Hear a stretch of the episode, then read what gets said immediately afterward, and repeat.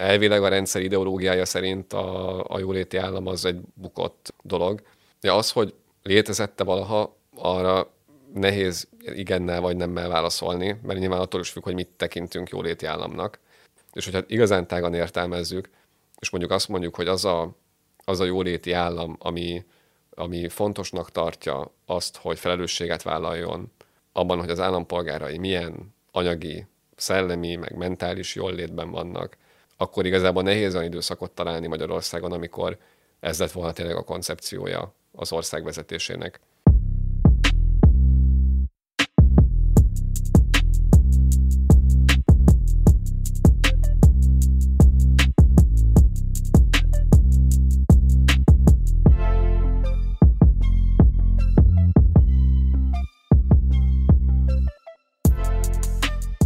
Pár mondatot írna csak át, de azzal radikálisan megváltoztatná a kormány, hogy a magyar állam hogyan viszonyul az állampolgáraihoz, különösen a legrosszabb helyzetbe kerültekhez, a legszegényebbekhez és a leginkább segítségre szorulókhoz.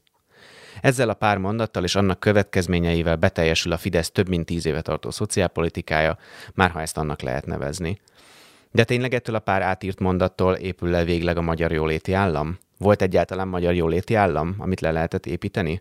Erről beszélgetünk majd Szurovec Illéssel, a 444 újságírójával. Én Csurgó Dénes vagyok, ez a Newsroom, a 444 régi új podcastja, amelyben a 444 újságíróival és szakértőkkel beszéljük át a legfontosabb témákat. Ez azért egy régi új podcast, mert korábban már volt egy ilyen műsorunk itt a 444-en, csak akkor még nem volt neve, úgyhogy most a nyári szünet után így újra brendelve nekivágunk újra, és igyekszünk majd két hetente újabb adással jelentkezni. Úgyhogy ez egy uh, ilyen olyan soft reboot, mint amit a szuperhős filmek világában mondani szoktak.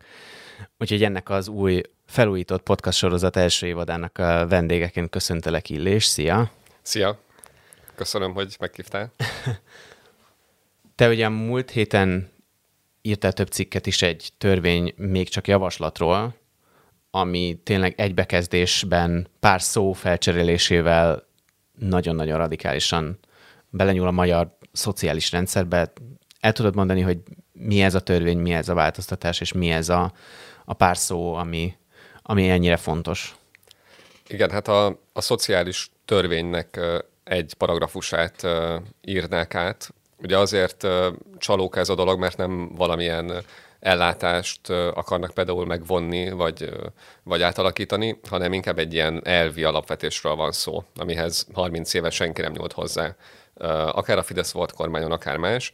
Ez az ilyen elvi bevezető, ez a, ott van a törvény elején rögtön, és eddig egyértelműen az volt benne, hogy a, az állam és az önkormányzatok feladata a szociális ellátást biztosítani az emberek számára. Most ezt kiveszik, és egy ilyen felelősség rangsorral cserélik fel, ami sorra veszi, hogy ki mikor jön képbe a, szociális biztonság megteremtésében. És akkor ennek a, ennek a listának az első szereplője az egyén, mindenki elsősorban a saját szociális biztonságáért önmaga felelős, utána jönnek a hozzátartozói, utána az önkormányzat, az egyházak, és végül az állam. Tehát, hogy itt a korábbihoz képest uh, ilyen elvi szinten az állam hátrébb sorolja magát a szociális biztonság mm, területén. És ez most az, hogyha igazából még nem nyúltak semmilyen konkrét ellátáshoz, vagy ilyesmihez, akkor, akkor így, hogy mondjam, mekkora súlya lehet annak, hogy most, hogy most azt mondják, hogy, hogy először mindenki próbálja meg maga boldogulni, és aztán majd az állam segít, vagy azt mondja alapból, hogy aki bajba került, annak segít az állam. Azt nehéz megmondani, hogy ennek milyen konkrét következményei lesznek. Egyelőre úgy tűnik, hogy a kormány így ragaszkodik ahhoz, vagy legalábbis amennyi keveset beszél erről, abból inkább az derül ki, hogy nem terveznek más egyéb változtatásokat a konkrét juttatásokban. Viszont egyfelől ugye lehet erre a módosításra úgy tekinteni, mint ami így szentesíti, vagy betetézi tényleg az elmúlt 12 év társadalompolitikáját. Másrészt, másrészt meg annak lehet valamilyen jelképes vagy szimbolikus jelentősége, hogy most egy gazdasági, szociális válság küszöbén érezték azt fontosnak valamiért, hogy egy ilyen elvi módosítást hajtsanak végre a törvényben, még akkor is, hogyha ennek nem lesz gyakorlati következménye. Igen, erről tudunk egy kicsit beszélni, hogy ez vajon mit üzen, mert ez tényleg, hogy mondjam, ez eléggé szembetűnő, hogy, hogy amikor egyre több ember kerülhet majd gondba, amiatt, hogy egyszerűen nehezen fizeti ki a, a rezsiszámlákat, vagy egyszerűen, vagy, vagy ugye az óriási infláció miatt nem tud elég élelmiszert venni, akkor, akkor a kormány azt mondja, hogy ez elsősorban nem az én felelősségem, hogy ezzel a helyzettel kezdjek valamit. Igen, hát ez igazából árulkodik arról tényleg, amit az elmúlt 12 év intézkedéseiben is láttunk, ami majd belemehetünk a részletekbe, ami, ami röviden arról szólt, hogy a, az állam az állami segítségek, amik a rászorulókat, szegényeket érintenék, azok egyre kisebb szerepet töltenek be, egyre inkább másoknak csatornázzák ezeket a juttatásokat. Szóval ez a, ez a fajta ilyen, ilyen, ilyen háttérbe vonulás, ráadásul ugye azzal, hogy az egyházak is előrébb vannak ebben, ami szintén egybevág azzal, hogy a, az elmúlt tíz évben nagyon sok szociális feladatot szerveztek ki egyházaknak. Szóval ez, ez mind, mind igazából a, a, jól leképezi azt a gondolkodást, amit a, amit a Fidesz képvisel ezzel kapcsolatban, hogy ez a most kezdődő válságban jelente valamilyen gyakorlati különbséget ahhoz képest, ami akkor lenne, hogyha mondjuk nem csinálnak meg ezt az elvi módosítást, ezt még nem tudjuk megítelni igazából.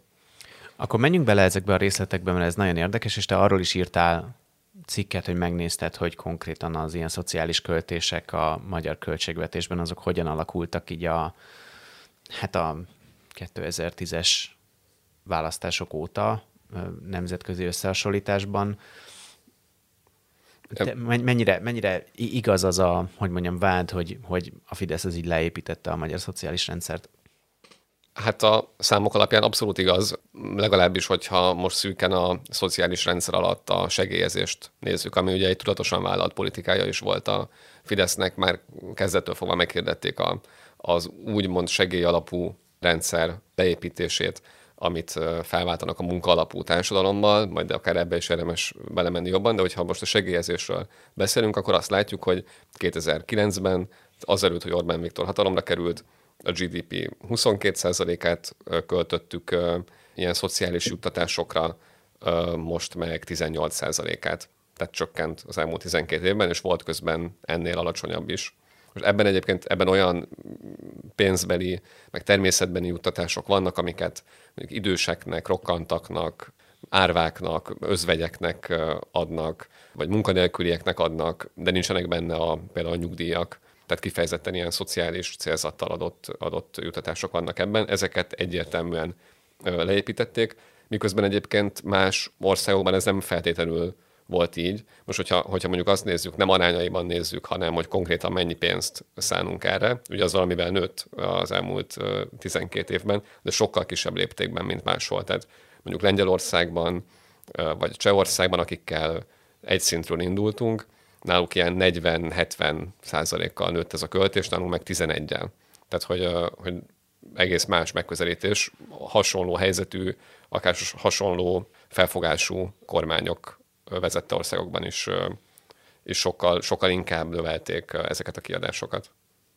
Kicsit tudsz arról beszélni, hogy mik vannak ezek mögött a, ezek mögött a folyamatok mögött, meg, meg ezt így hogyan, hogyan érdemes így helyi értékén kezelni? Hogy konkrétumokról beszéljünk, mondjuk az olyan típusú ellátások, amik, amik vagy feltétel nélkül, vagy valami nagyon egyszerűen teljesíthető feltételekkel járnak, mondjuk a család támogatások közül, közül mondjuk a családi pótlék, vagy a gyes, ezek ezek változatlanul alacsony összegek nagyon régóta, tizenéve. A, a családi pótlék az egy gyereknél most is 12 ezer forint, tehát tényleg már apró pénznek számító összegek jutnak ezekre az ellátásokra, miközben ugye a családpolitikában bevezettek egy sor olyan kedvezményt, ami, ami nem szerepel ugye ebben a, ebben a kiadás és adatban, amit az előbb soroltam, mert azok nem szociális alapon járnak, hanem éppen, hogy a magasabb státuszú, jobb helyzetű családoknak, akiknek eleve több pénzük van. A családi adókedvezmény, meg egy sor ilyen zászlós hajója a kormány családpolitikájának. Tehát igazából itt az látszik, hogy az a, nem, nem önmagában az újraelosztást szüntette meg, vagy építette le az Orbán rendszer, hanem ezt ugye Ferge Zsuzsának a kifejezése, hogy egy ilyen perverz újraelosztást hozott létre, ami azzal ellentétben, ahogy alapvetően gondolnád, hogy mire való az újraelosztás, hogy az eleve meglevő egyenlőtlenségeket kiigazítsa, enyhítse, finomítsa az állam, a helyet igazából mondjuk a családpolitikának inkább az a célja, hogy gyerekszülésre biztassa a kedvezményezett, preferált társadalmi csoportokat. Mm, tehát, hogy nem, nem, a, nem, a, nem az van, hogy, hogy önmagában megszűnt volna a, a pénzosztás, hanem egész máshová mennek ezek a, ezek a pénzek. De mondhatnánk más példát is, nem csak a, a családpolitika, vagy az ilyen családi jutatások vannak. Ugye 2010 után rögtön ö, ö, meghirdették a rokkant nyugdíjak ö, reformját, ami ugye azt jelentette, hogy kiszortak több tízezer embert ebből a rendszerből, akik így átkerültek a leépített segélyezésbe, vagy átkerültek közmunkára, például, akik meg benne maradhattak, azok meg azok közül sokan ma is mondjuk szintén ilyen 30-50 ezer forintokat kapnak havonta, már nem is nyugdíjként, hanem ilyen ellátásként, ami egy ilyen kevésbé kiszámítható ellátási forma. Szóval egy csomó területen uh, látjuk ezt, a, ezt az ilyen leépítést, visszavonulását az államnak, és látjuk a, az erősödését a, a kedvezményezett terepeken. Még a, egy gondolatot akarok ehhez hozzáfűzni, hogy, a, hogy azzal kapcsolatban aztán volt egy csomó ilyen alkotmányjogi panasz meg per, hogy, a, hogy az, ahogy a rokkan nyugdíjrendszert leépítette a kormány, az nem volt igazából saját ö, maga írt alaptörvényel sem teljesen összhangban, amivel aztán nem történt semmi. De ez csak egy mellékszál. De hogy említetted a közmunkát, meg a munka alapú társadalomnak ezt a, ezt a vízióját, kicsit beszéljünk erről, hogy, hogy ugye volt ez az ilyen nagy, hogy mondjam, ilyen társadalompolitikai elmozdulás, ennek, ennek mennyire látszik az eredménye, vagy, vagy ez, ez elért, elérhetette valami olyasmi célt, mint amire hivatkozva ezt akkor meghozták? Hát egyfelől, hogyha, hogyha azt nézzük, hogy többen dolgoznak el, akkor egyértelműen igen. Tehát ebben a tekintetben egy sikernek tekinthető ez a munkalapú társadalom. Csak egy egy szám ehhez, hogy a, a, az EU 2020-ra tűzte ki azt, hogy, hogy a tagállamok 75%-ra emeljék a foglalkoztatottságot a 20 és 64 évesek között. 75-re, Magyarország 60-ról indult, és ezt már korábban, már 2019-re teljesítette. Tehát, hogy a foglalkoztatás nagyon dinamikusan bővült. Igazából azért volt egy, az is, hogy amikor ez a program indult, azzal párhuzamosan volt egy nagyobb gazdasági fellendülés. Persze, ezt nem lehet ettől elválasztani, igen, igen, abszolút. De hogy az az is benne volt, hogy tudatosan terelték az embereket, azokat, akik mondjuk korábban kaptak valamilyen munkanélküli ellátást, azt mondjuk megvágták három hónapra, meg nagyon alacsonyan tartották a, a, az összegét, így aztán arra készítették az embereket, hogy minél hamarabb valamilyen típusú munkát vállaljanak. Tehát ilyen értelemben akár lehetne mondani, hogy siker, de ugye az a kérdés, hogy mi a célja valójában a munkalapú társadalomnak. Mert hogyha, hogyha az a célja, hogy, hogy minél, hogy a statisztikában minél többen legyenek a munkában, az egy dolog, de másik dolog, hogy, a, hogy valóban ez a munka és ez a pénzkereset, ez alkalmas-e arra, hogy az ember ezen az úton akkor saját magának szociális biztonságot teremtsen. És hogyha ebből a szempontból vizsgáljuk, akkor már sokkal árnyaltabb a, a dolog. Ugye nagyon sokan bekerültek a munkaerőpiacra, de közben egyre többen lettek azok is, akik, akik ezzel a pénzkeresettel sem tudnak maguknak igazából normális életszínvonalat teremteni, tehát a, a szegénységi küszöb alatt élnek. Most ha megnézzük, erre is vannak számok. 2010-ben a, a dolgozó magyarok 5%-a, kicsivel több mint 5%-a volt a szegénységi küszöb alatt, ez most már 7,5 százalék. Tehát arányaiban jóval többen vannak, akik hiába keresnek, ez nem elég a normális megélhetéshez. Tehát még, sőt, hát nem, hogy a normális, a minimális megélhetéshez se elég, tehát itt nem középosztályi életszínvonalról beszélünk, hanem a szegénységi küszöbről, tehát hogy azt, azt sem érik el. És akkor azok, akik ugye, akik még nincsenek benne ebben a rendszerben, azoknak meg ott van ez a legyengített szociális védőháló, ami arra kényszeríti őket, hogy olyan, tehát minden munkát elvállaljanak, ugye, ami, ami szembe jön velük, akár rosszabbat is, mint amit, mint amit el tudnának végezni amúgy. És ez, ez a probléma egyáltalán nem csak a szegényeket érinti, hanem, hanem mindenkit, akik a munkaerőpiacon hátrányban vannak. Tehát nőket, időseket, fiatalokat kifejezetten. Tehát, tehát igazából tényleg ennek a rendszernek az a logikája, hogy minél többen dolgozzanak valahol, minél hamarabb, és nem az, hogy minél inkább olyan munkát végezzenek az emberek, ahol a helyükön vannak, és minél több értéket tudnak előállítani. Ugye a gazdasági szempontból ez is lehetne egy, egy, egy megközelítés.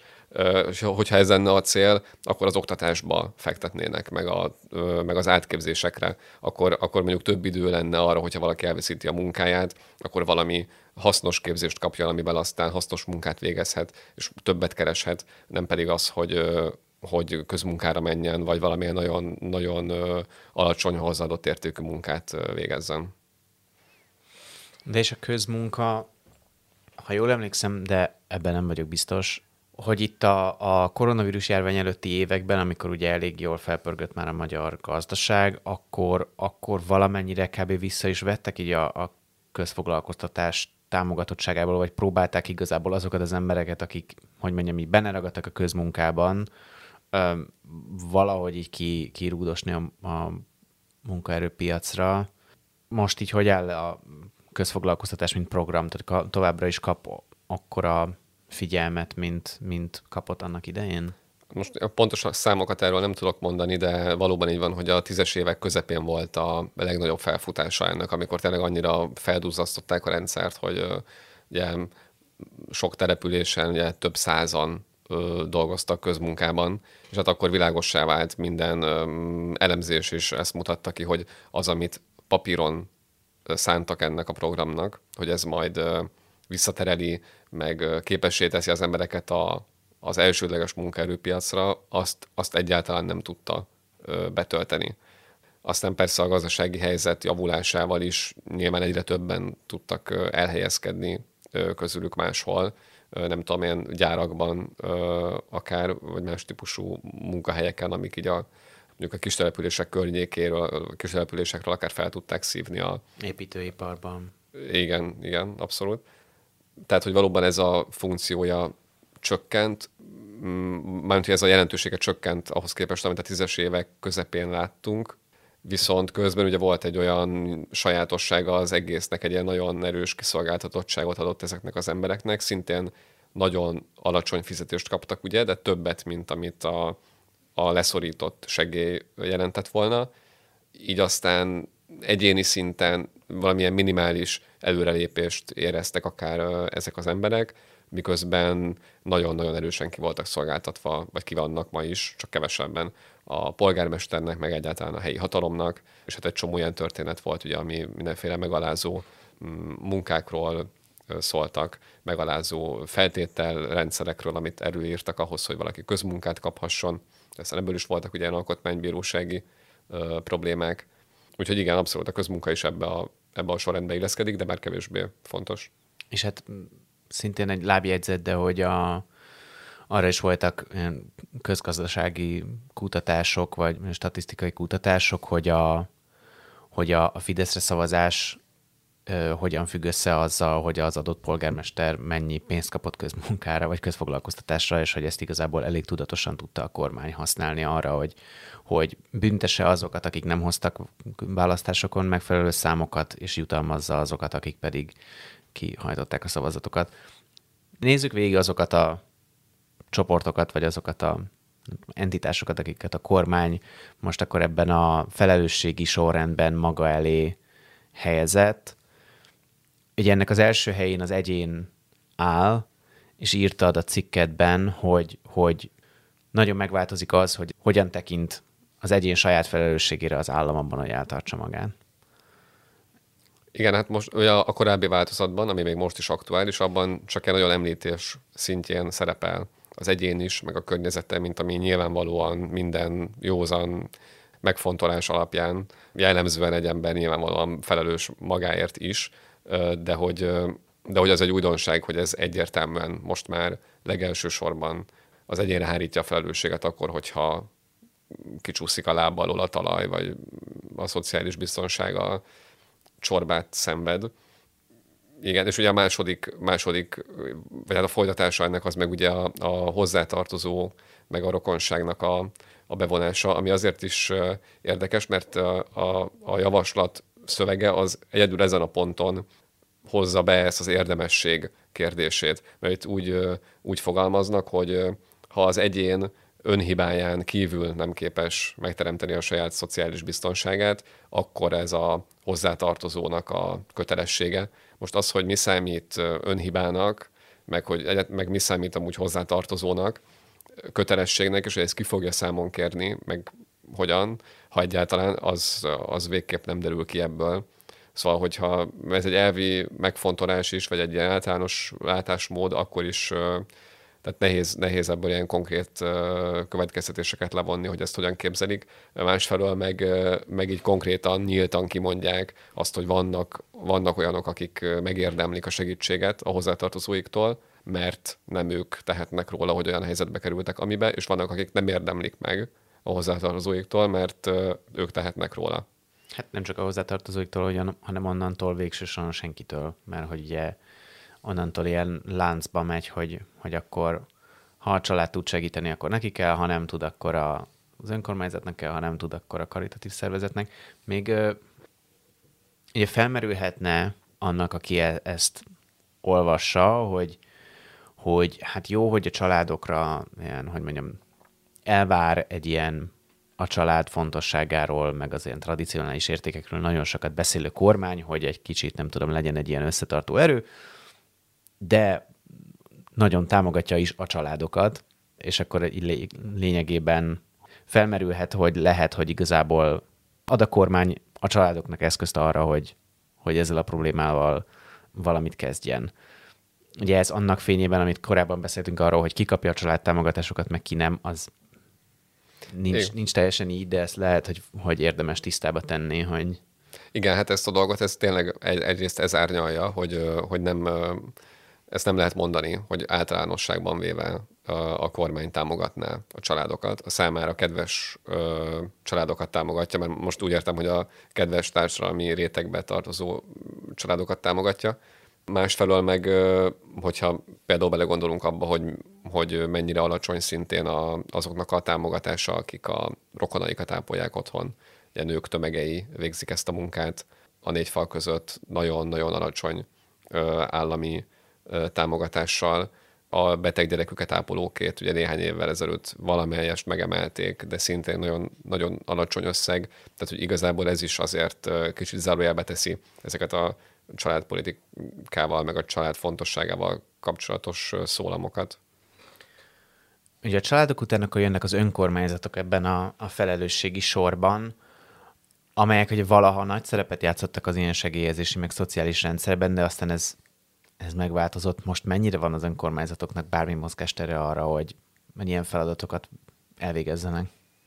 Hát egyrészt azt látjuk, hogy az elmúlt években a, a megyei, meg a települési önkormányzatoktól is elvontak ugye egy sor jogkört. Most az oktatás, meg az egészségügy az csak egy dolog, de a szociális szférában is, a, mondjuk az idős ellátásnál ez tetten érhető. A gyerekvédelemben szintén, tehát a gyermekotthonokat, ahol ahol azok a gyerekek élnek, akiket kiemeltek a családjukból, a, a vérszerinti családjukból, őket ezek, a, ezek az intézmények jelentős része szintén egyházakhoz tartozik már, és a, a nevelőszülői hálózatok, ahol szintén ezek a gyerekek nevelkednek csak ilyen családszerű körülmények között, ott szinte, szinte kizárólag az egyházak vannak már csak jelen, mi korábban a megyei önkormányzatoknál voltak ezek, aztán központosították, és aztán meg kiszervezték az egyházaknak. Tehát, hogy egyrészt egy sor ilyen, ilyen jogkört elvontak az önkormányzatoktól, az ilyen konkrét segélyezésben, meg ott az történt, hogy a 2015-ben az állam megszüntetett bizonyos ellátásokat, amik addig normatíve jártak, mondjuk a lakásfenntartási támogatás, és azt mondta, hogy az önkormányzatok saját forrásaikból maguk eldönthetik, hogy milyen célra biztosítanak települési támogatást.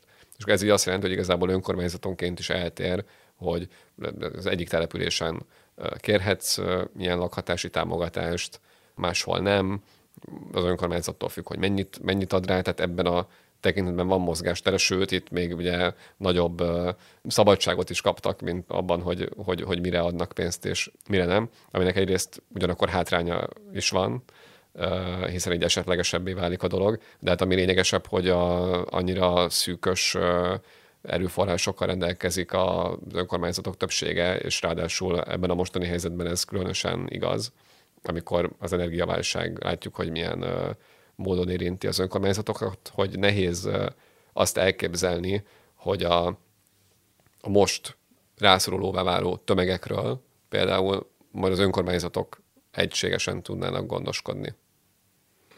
Igen, és ugye, ugye az elmúlt években egy sor olyan forrást vontak el az önkormányzatoktól, amelyek, amelyek addig jártak, tehát hogy az olyan, mint az ilyen helyi iparűzési adót megvágták, meg, meg ezeket, és ugye ott is az van, hogy az állam, vagy a kormány mindig arról beszél, hogy ezeket majd ilyen állami támogatással kiváltják, de hát az ilyen borzasztó esetleges.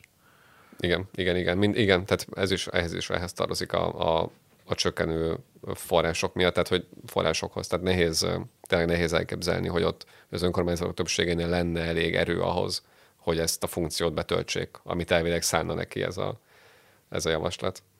És akkor ugye közvetlenül a, az állam előtt vannak ebben a listában a karitatív szervezetek, amikről te következetesen úgy írtál, hogy ezek egyházi intézmények. Ez mennyire fedi le egymást, és, és mivel jár ez, hogy, hogy ennyi ilyen ellátás kerül át egyházi szervezetekhez?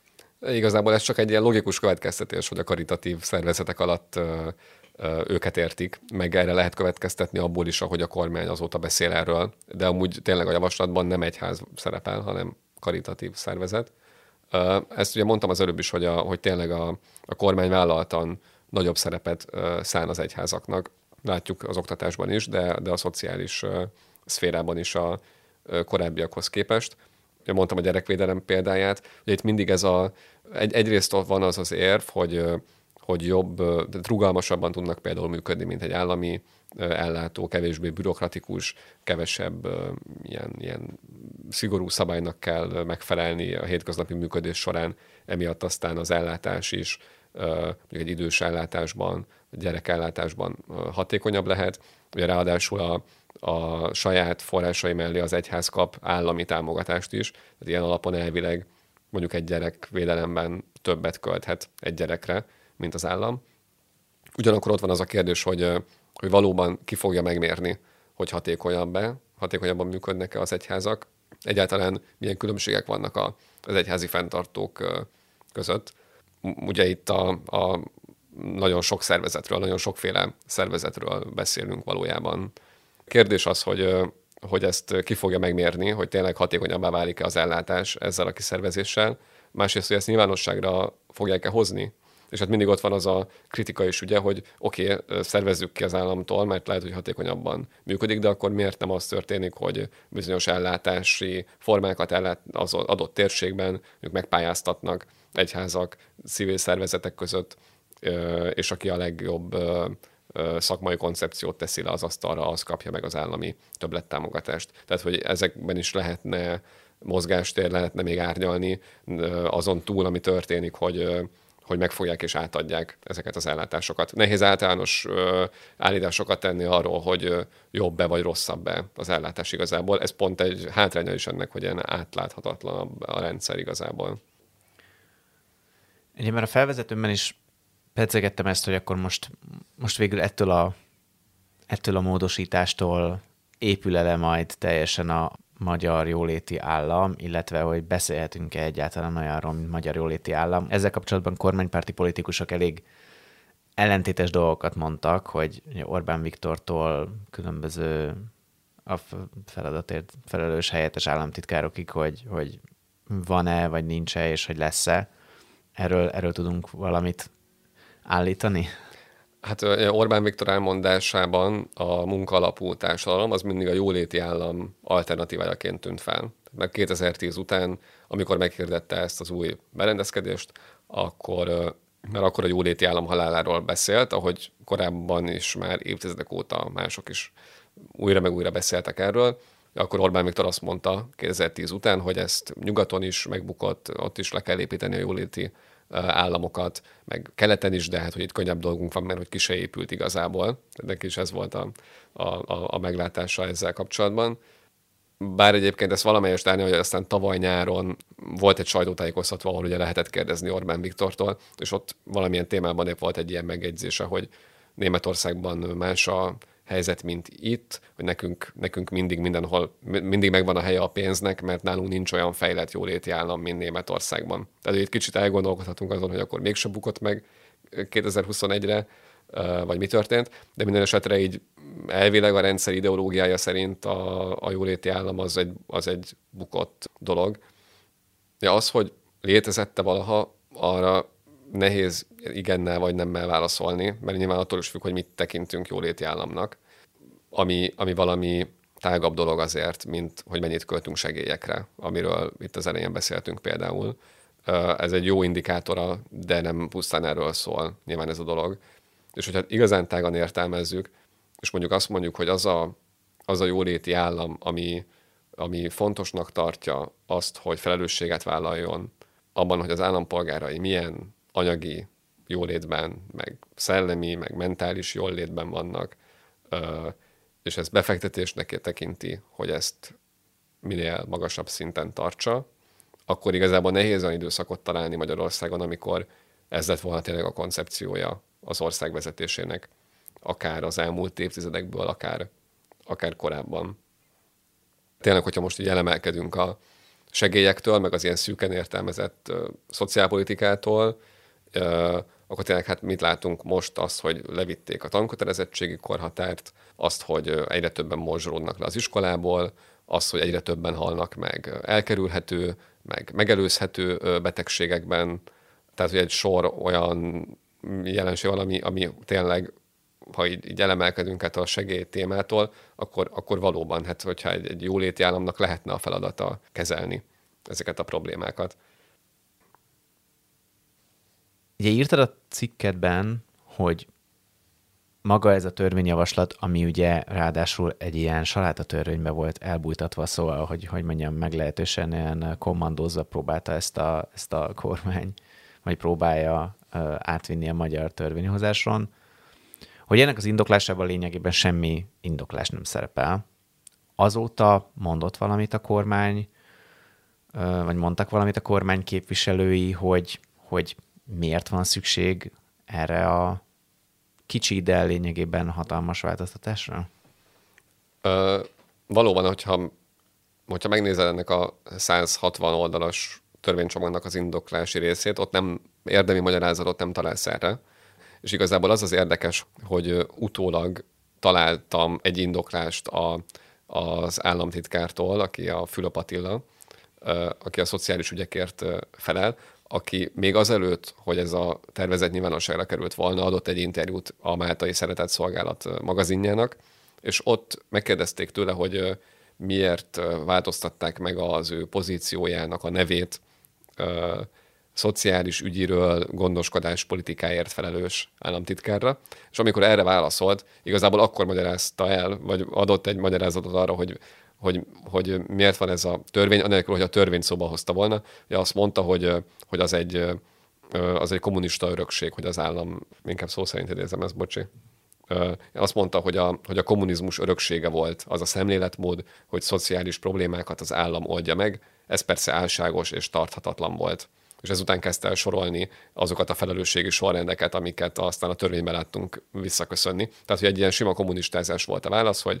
hát, még régen, most aki, aki arról beszél, hogy itt az állam kivonul, meg, meg visszafogja a szerepét, az kommunista, az csak azt akarja visszahozni, ami itt a rendszerváltás előtt volt, ezt nem lehet csinálni. Gyakorlatilag ez, ez a legérdemibb magyarázat eddig erre a, történetre, ami hát így nagyon sok sebből se vérzik, meg sántít, meg minden. Igen, egy gyors fact check, hogy például a Kádár rendszerben ha én jól tudom, nem volt olyan, hogy szociális ellátórendszer. Amint a kötelező foglalkoztatás volt, de az is inkább egy ilyen munka alapú társadalom elv, de hogy olyan, hogyha valaki bajba kerül, akkor kap állami segélyt, meg ilyen különböző állami ellátásokat, olyan nem igazán volt.